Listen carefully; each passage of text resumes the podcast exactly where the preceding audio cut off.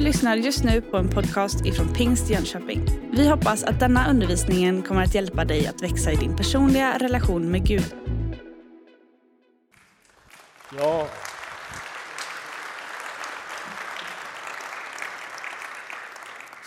Stort, stort tack för den sången. Stormens överman.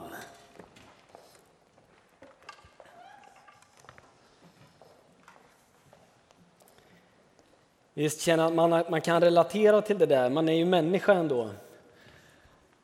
Uppfattat en och annan storm i livet och så kan man mäta det där med andra människor och tänker ja, tack gode Gud ändå att jag får ha det så här som jag har det nu. Och ibland så känner man bara att det är just svart som natten. Och då är det skönt att få proklamera, proklamera och påminnas om att Jesus han är stormens överman. Han har mer makt än stormen. Han stillade stormen till och med. Ja, det är vackert. Tack så jättemycket för den sången.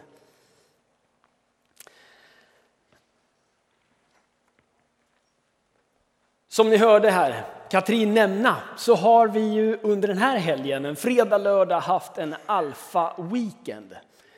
Vi har haft en, eh, ja, en fredagkväll och en heldag igår och den här alfakursen, det är en grundkurs i kristen tro. Alltså, där går man igenom och ger människor möjligheten att komma med alla sina frågor. Och den här kan man gå. Den är ungefär en eh, tio veckor. Ni ser en liten eh, vacker affisch, höll jag på att säga, en roll-up här i bakgrunden av kyrkan. Vardagsrum för livets stora frågor. Det här är en plats som vi önskar skulle få fortsätta att finnas i vår kyrka, där samtalet om tro blir tillgängligt både för den som har en tro sedan innan och vill bli nyfiken på att liksom återupptäcka grunderna i kristen tro. Tillsammans med människor som är kanske till och med skeptiska och gärna går en kurs för att se efter att ja, men jag, vad var det jag sa, det här funkar ju inte. En härlig blandning av människor som möts för att ge varandra respekt, i samtalet och prata om livets stora frågor. Otroligt intressant. Och igår så hade vi, jag vill tacka alla er som är med och ber för Alfa ehm, och för alla deltagarna. Tack så mycket för att ni är med. Det finns så många som under den här kursen har fått ett möte med Jesus på ett eller annat sätt. Och Jesus han är ju så där fascinerande tycker jag.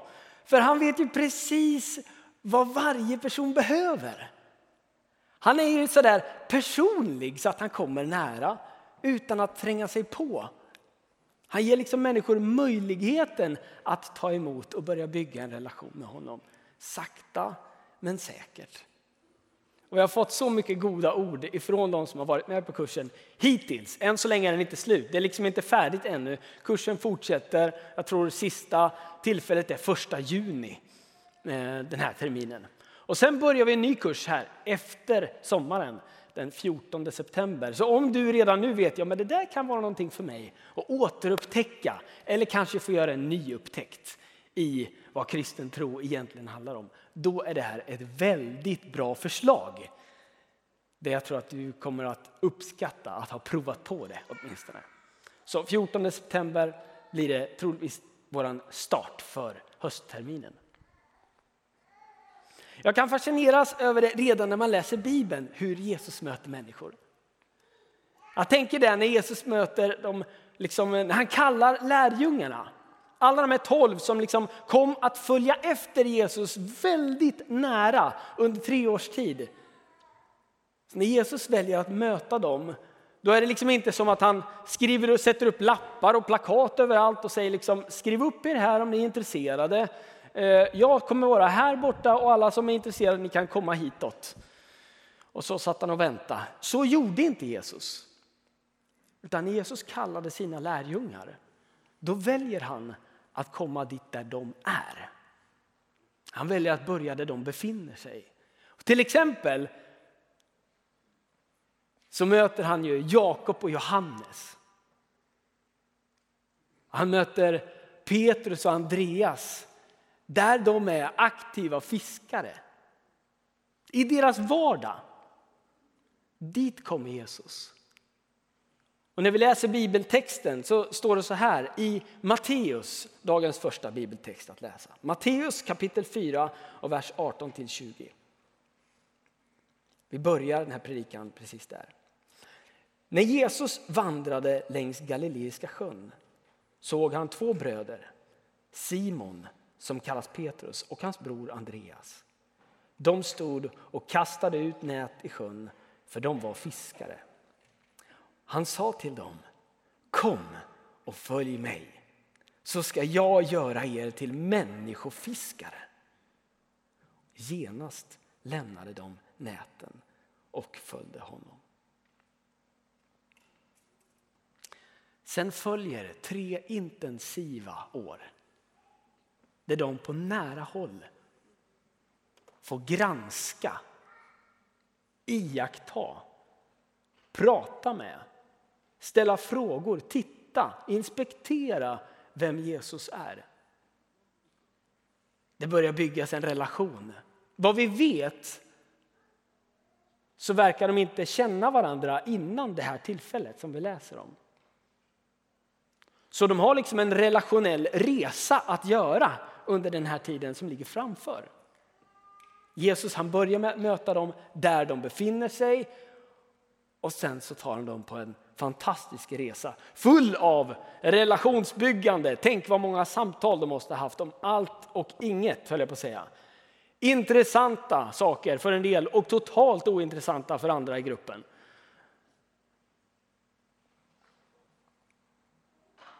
Det började med kom och följ mig och sen följer en resa av mirakel.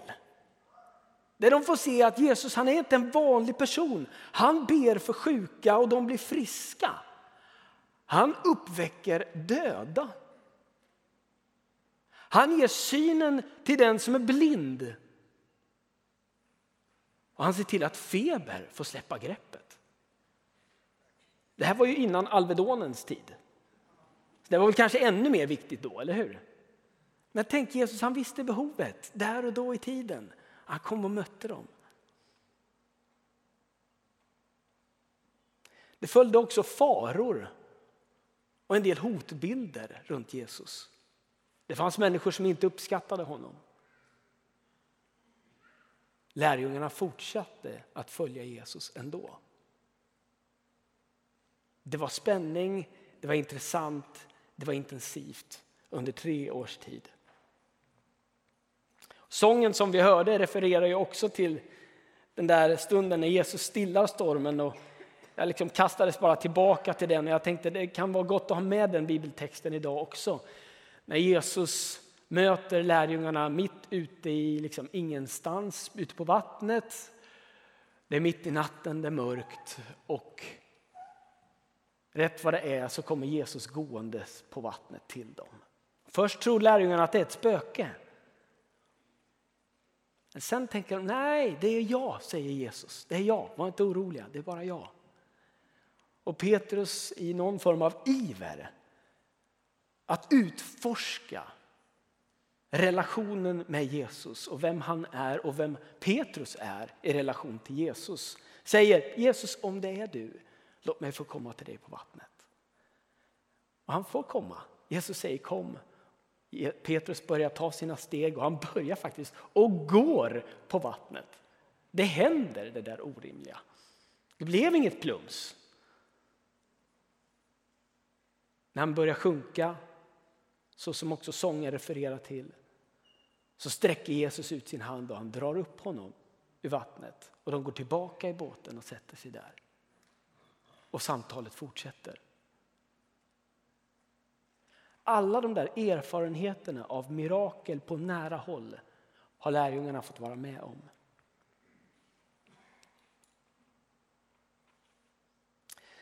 Tre år följer som sagt. Jesus han dör på korset. Vi har ett stort kors här i vår kyrka. Superviktigt och centralt i den kristna tron. Det där är det avgörande momentet när Jesus dör på korset för hela mänsklighetens synd. Som gör det möjligt för dig och mig att komma till Jesus och säga förlåt mig för min synd. Och i och med den kraftfulla gärningen och makten som är i Jesu händer så kan han förlåta dig och mig vår synd. Och han kan byta ut trasighet mot helande. Han kan byta ut mörker mot ljus. Och ibland sker det som ett mirakel. Snabbt som bara den, i ett nu. Och ibland är det mera av en process över liv och tid. Där Gud visar sin makt och lär oss att leva tillsammans med honom i med och motgång. Det där korset blir avgörande. Jesus han dör på korset för sin, våra synders skull. Precis så som han hade försökt att förbereda lärjungarna till att det här skulle hända. Och jag tänkte att jag skulle läsa ett stycke, och nu får ni följa med mig igen, in i bibelordet. Vi läser från Johannes kapitel 14 och vers 1. Och det här är ett stycke, så häng med nu. Om du behöver, blunda, låt fantasin liksom följa med in i texten. Lev dig in i, tänk hur känns det här? Vad är det de pratar om? Vad tänker de när de lyssnar till det här? Alla de som är på plats. Jesus säger, låt inte era hjärtan oroas. Tro på Gud och tro på mig. I min fars hus finns många rum. Om det inte vore så skulle jag då ha sagt er att jag går bort för att bereda plats för er. Om jag nu går bort och bereder plats för er så ska jag komma tillbaka och hämta er till mig för att ni ska vara där jag är. Och vart jag går, det vet ni. Den vägen känner ni. Thomas sa, Herre, vi vet inte vart du går. Hur ska vi då kunna känna vägen? Jesus sa till honom, jag är vägen, sanningen och livet. Ingen kommer till Fadern utom genom mig. Har ni lärt känna mig ska ni också lära känna min far. Nu känner ni honom och har sett honom. Filippus sa, Herre, visa oss Fadern så, så, så räcker det för oss. Jesus svarade, så länge har jag varit hos er och du har inte lärt känna mig, Filippus. Den som har sett mig har sett Fadern. Hur kan du säga visa oss Fadern? Tror du inte att jag är i Fadern och att Fadern är i mig? Orden jag talar till er säger jag inte av mig själv. Fadern bor i mig och gärningarna är hans verk. Tro mig, jag är i Fadern och Fadern är i mig. Och kan ni inte det, tro då för gärningarnas skull. Jag säger er sanningen, den som tror på mig ska göra de gärningar som jag gör och större än så ska han göra. För jag går till Fadern.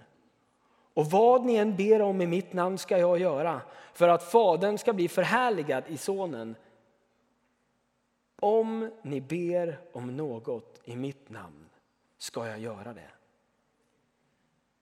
Om ni älskar mig håller ni fast vid mina bud. Och jag ska be Fadern och han ska ge er en annan hjälpare som ska vara hos er alltid. Sanningens ande. Världen kan inte ta emot honom för världen ser honom inte och känner honom inte. Ni känner honom. För han förblir hos er och ska vara i er.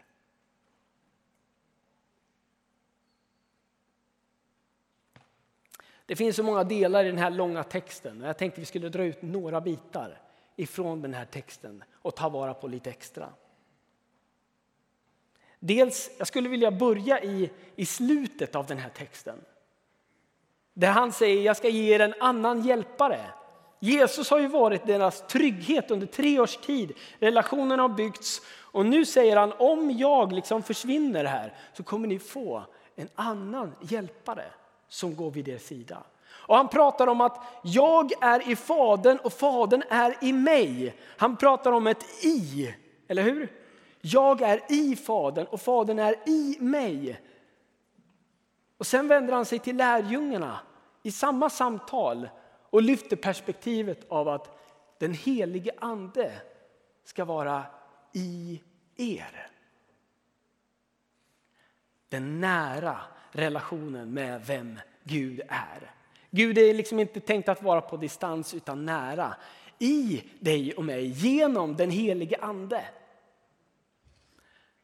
Jag blir så fascinerad efter gårdagen när man ser hur Gud möter människor som längtar efter att få möta den helige Ande på ett eller annat sätt. Han möter dem där de är, där de befinner sig. Och precis så som det är i våra gudstjänster här. Man kan liksom inte mäta hur mycket Gud gör på utsidan. Ibland syns det, men oftast så börjar det ju på insidan och ibland så syns det på utsidan vad Gud gör på insidan. Men igår var så fantastiskt, man får se människor få vara i det där ärliga mötet med Jesus.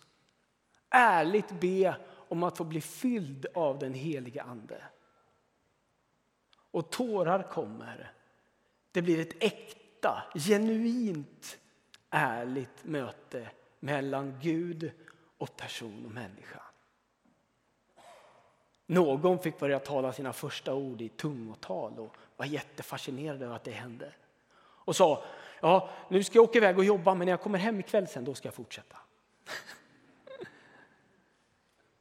Spännande hur Gud gör och hur han möter och hjälper oss att erfara hans stora kärlek och värme.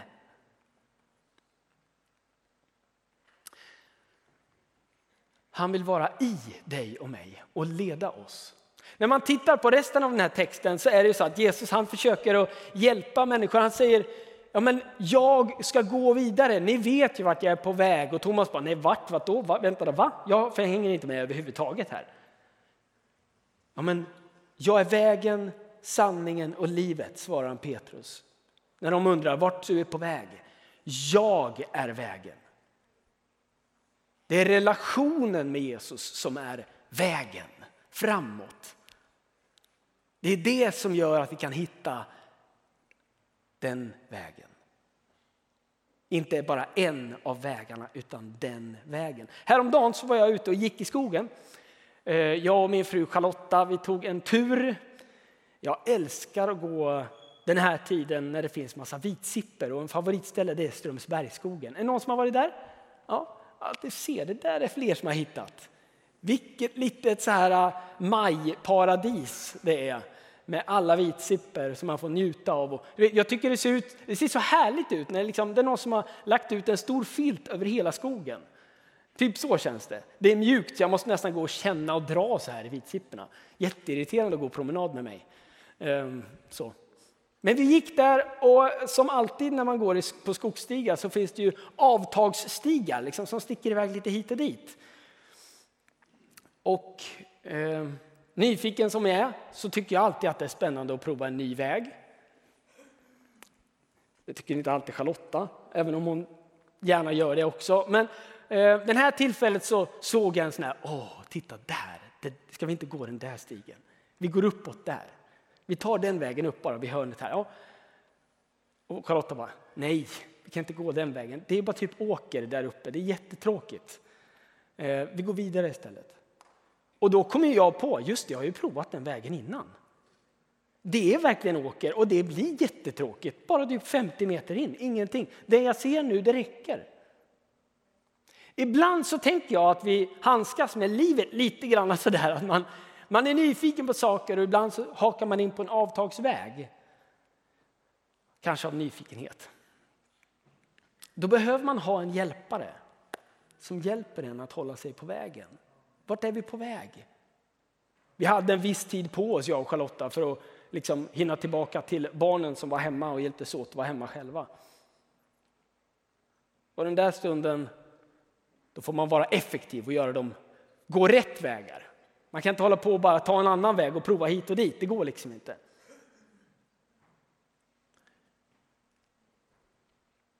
Jag tror att Gud ibland han är som den där hjälparen som knackar på när vi råkar gå in på en väg som inte är den där vägen som han säger. Jag är vägen, sanningen och livet. Men när du och jag hamnar vid sidan av vägen eller går på en avtagsstig av en eller annan anledning så är det som att några klockor börjar ringa ibland. Du, Mattias, nu är det dags att ta dig tillbaka till vägen igen. Relationen med Jesus. Och kanske att det är någon av er här inne idag som, som får en sån liksom hälsning genom den här, det här tänket idag.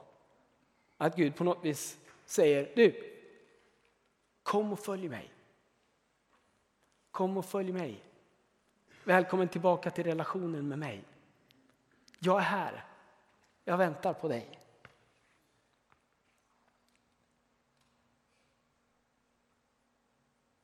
Jag tror att den heliga Ande vill vara den hjälparen för oss och visa oss vägen tillbaka till den rätta vägen.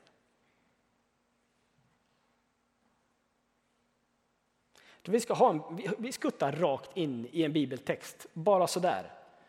Vi tar en till bibeltext, det är dags att läsa igen. Har du Bibeln med dig så slå upp Johannes evangelium igen och ehm, kapitel 21 från vers 1 och framåt.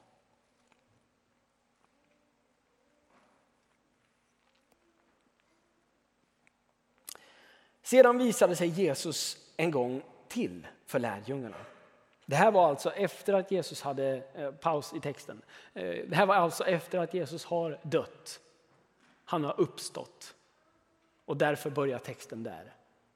Att Jesus visar sig en gång till för dem efter att han har uppstått från de döda. Sedan visade sig Jesus en gång till för lärjungarna. Det var vid Tiberias, eh, Tiberia sjön och det gick till så här. Simon Petrus och Thomas som kallades tvillingen Natanael från Kana i Galileen, Sebedeus söner och två andra av hans lärjungar var tillsammans. Petrus sa till dem, jag går och fiskar. Och de andra sa, vi följer med. De gick ut och steg i båten, men den natten fick de ingenting. Tidigt på morgonen stod Jesus på stranden. Men lärjungarna förstod inte att det var han. Jesus sa till dem, mina barn, har ni inget att äta? De svarade, nej. Han sa, kasta ut näten på höger sida om båten så ska ni få. Och de kastade ut näten. Och nu orkade de inte dra upp det för all fisken. Lärjungen som Jesus älskade sa då till Petrus, det är Herren. När, Pet när Simon Petrus hörde att det var Herren drog han ytterplagget om sig, för han var inte klädd, och kastade sig i sjön. De andra lärjungarna kom efter i båten med fisknätet på släp. De var inte långt ifrån land, omkring hundra meter. När de kom i land fick de se en koleld och fisk som låg på den och bröd. Jesus sa till dem, bär hit av fisken som ni fick nyss. Jesus, eller Simon Petrus steg i båten, drog upp nätet på land. Det var fullt av stora fiskar, 153 stycken. Och fast det var så många gick inte nätet sönder. Jesus sa till dem, kom och ät. Ingen av lärjungarna vågade fråga honom vem han var. De förstod att det var Herren, Jesus och gick fram och tog brödet och gav dem. Och likaså fisken. Det var, detta var den tredje gången som Jesus visade sig för lärjungarna efter att han hade uppstått från de döda. Jag tycker det är fascinerande. Vi kastas liksom tillbaka här i texten där Petrus började, vid fisket. Återkommande tillfällen så använder Jesus de erfarenheter som Petrus har av fisket för att leda honom vidare in på en ny väg i livet. Det här är ytterligare ett sånt tillfälle. Men man blir ändå lite nyfiken. Vilken anledning var det till att Petrus skulle gå och fiska? Var det bara för att han var hungrig kanske? Ja, möjligt. Det kanske var så, att han bara var hungrig och det var dags att fixa lite käk. Kan det också ha varit så att det inte hade riktigt blivit så som, Jesus, eller så som Petrus trodde att det skulle bli? Det kanske fanns lite såna här oklarheter den där tiden. Jesus hade ju uppstått.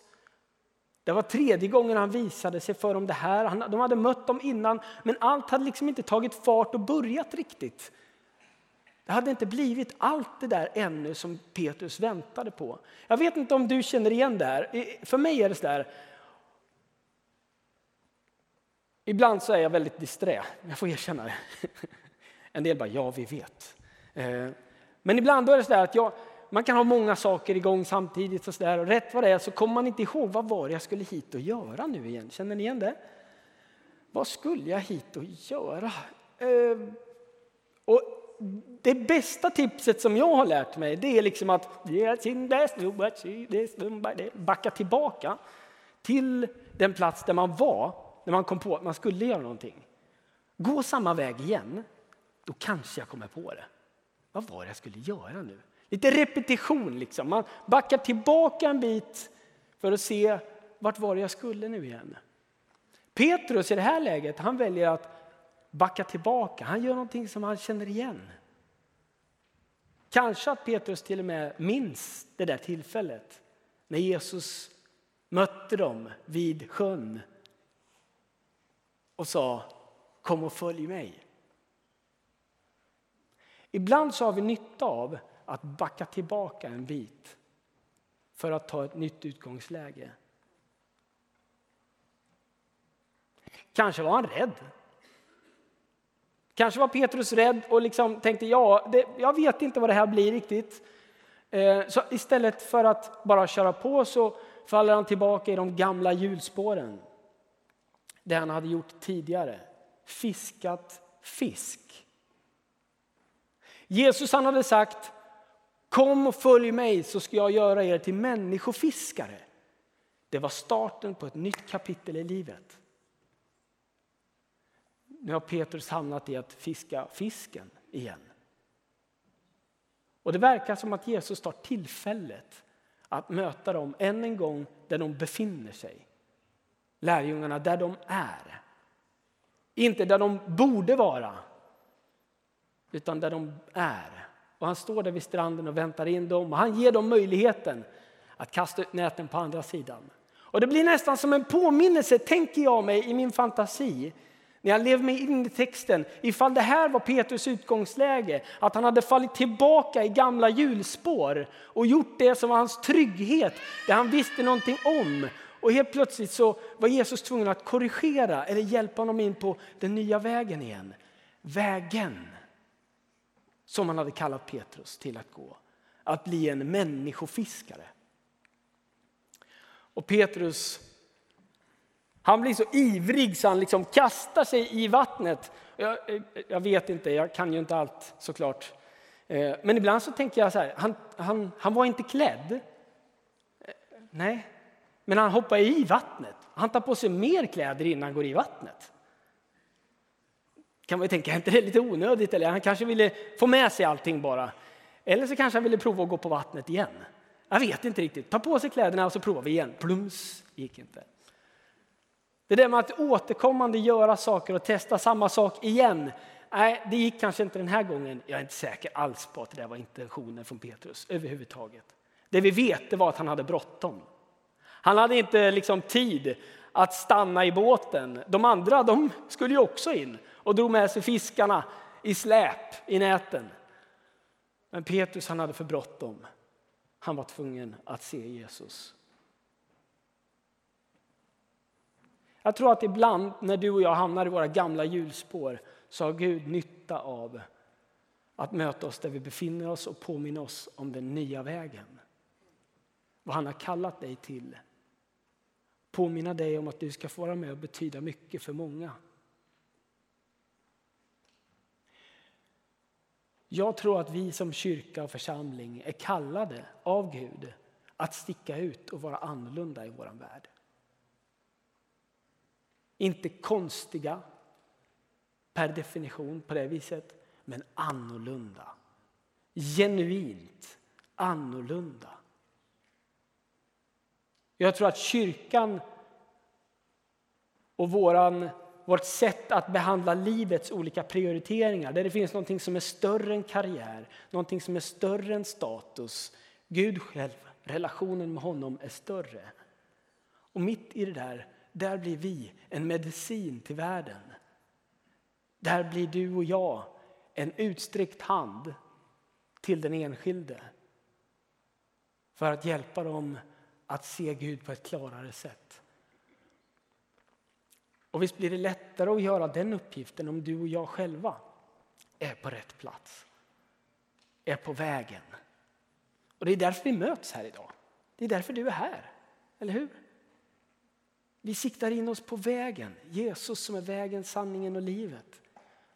Och vi kan förvänta oss att Jesus här idag står på stranden och ropar. Prova att kasta ut näten på höger sida av båten. En sån liten förändring. Va? Höger eller vänster sida om båten. Hade det varit vid sjön då kanske man hade tänkt någonting annat. Men den här texten den beskriver i alla fall höger sida om båten. En sån liten förändring som gjorde en sån enorm skillnad. Kanske att Gud idag försöker att få din uppmärksamhet. Kanske att det finns någonting som du behöver göra en liten förändring i. För att Jesus säger det till dig. Kanske att det är resultatet som du får se av den förändringen gör att du blir lika exalterad som Petrus i ditt liv och i din tro. Att du kastar dig i vattnet, springer mot honom, provar. Det var sant, det var Gud som sa det. Den där lilla förändringen gjorde skillnad. Och idag så tror jag att jag vill uppmuntra dig i all enkelhet att prova igen. Kom så som Petrus kom till Jesus. Kom igen. Och igen och igen och igen och igen. Precis så som Paulus lär oss. Och han säger att vi ska åter och om och om igen bli uppfyllda av anden. Det är inte bara ett tillfälle som vi kan rama in och få diplom på. Det är en relation som börjar och som kan fortsätta. Nu tänker jag så här att jag ska be orkestern att komma fram. Ni ska få slå er ner här uppe nu och göra er redo för att leda oss i några sånger tillsammans här i avslutningen av gudstjänsten.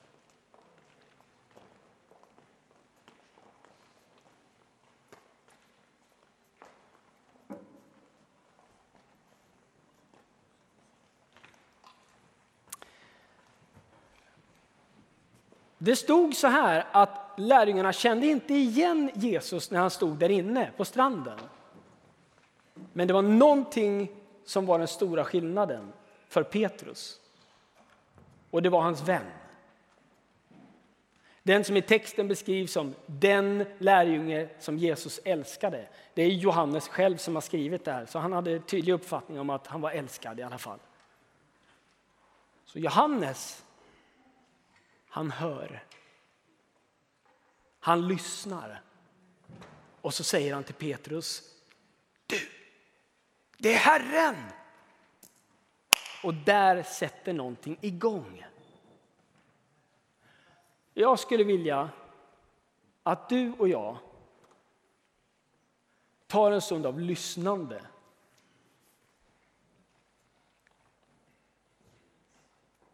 Och jag vill uppmuntra dig som kanske till och med har kommit hit till gudstjänsten med en hälsning, någon typ av profetisk hälsning som ska ges här framifrån eller till någon enskild. Jag vill uppmuntra dig nu att det är dags att liksom trycka på den på-knappen. Vänta inte liksom till slutet av gudstjänsten. Börja nu. Vi är tillräckligt nära att avsluta gudstjänsten. Så om du kommer hit och har en känsla av att det är någonting som ska sägas idag, kom då fram till Katrin här som leder mötet. och berätta, jag har någonting att, som jag tror att fler ska höra. Jag vill trycka på den knappen på en gång nu. Jag vill säga, jag vill uppmuntra dig, för jag tror att den helige Ande har någonting att säga. Ibland genom andra människor som likt Johannes lyssnade och fick vara en förlösande punkt, liksom. en viktig del i att Petrus blev engagerad och entusiastisk i sin tro och relation med Jesus. Så ditt lyssnande och dina ord, likt Johannes, det är Herren. Är det någonting som du tror att Gud vill säga? Jag vill också uppmuntra dig nu att inte bara vara deltagare och lyssnare och inte bara vänta på att det är någon annan som borde komma upp hit och säga någonting. Nu har vi gudstjänst och den firas tillsammans av alla som deltar. Så jag vill uppmuntra dig att under de sångerna som kommer nu, var modig. Var en hjälpande hand för en vän.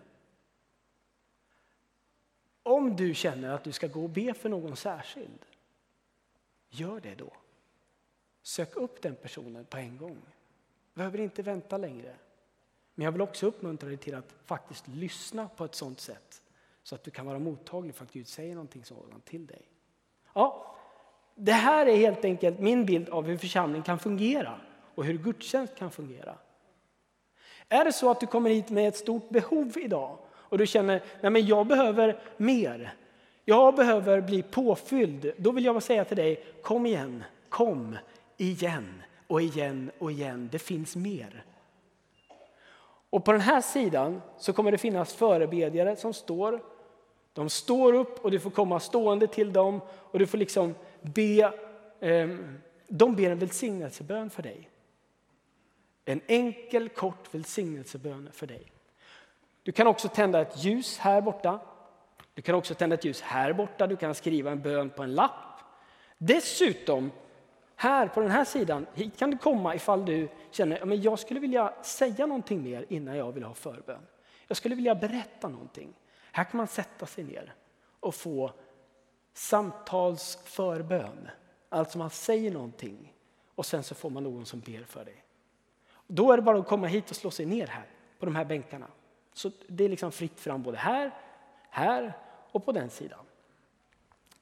Och än en gång, det är fritt fram för dig att vara med och be för vem som du vill. Bara närma dig med respekt och ställ frågan först. Är det okej? Okay? Får jag be för dig? Vad heter du? Vi närmar oss varandra med respekt. Nu ska vi ha en stund och jag, jag tänker så här att vi, ska vi... Är det någonting vi sjunger tillsammans nu Kiki? Nej, nu är det lyssna först. Ja, då gör vi så. Nu får ni lyssna och ta emot det som kanske Gud vill meddela eller säga någonting till dig. Inte bara genom andra människor, kanske att han vill säga någonting till dig just nu. Amen.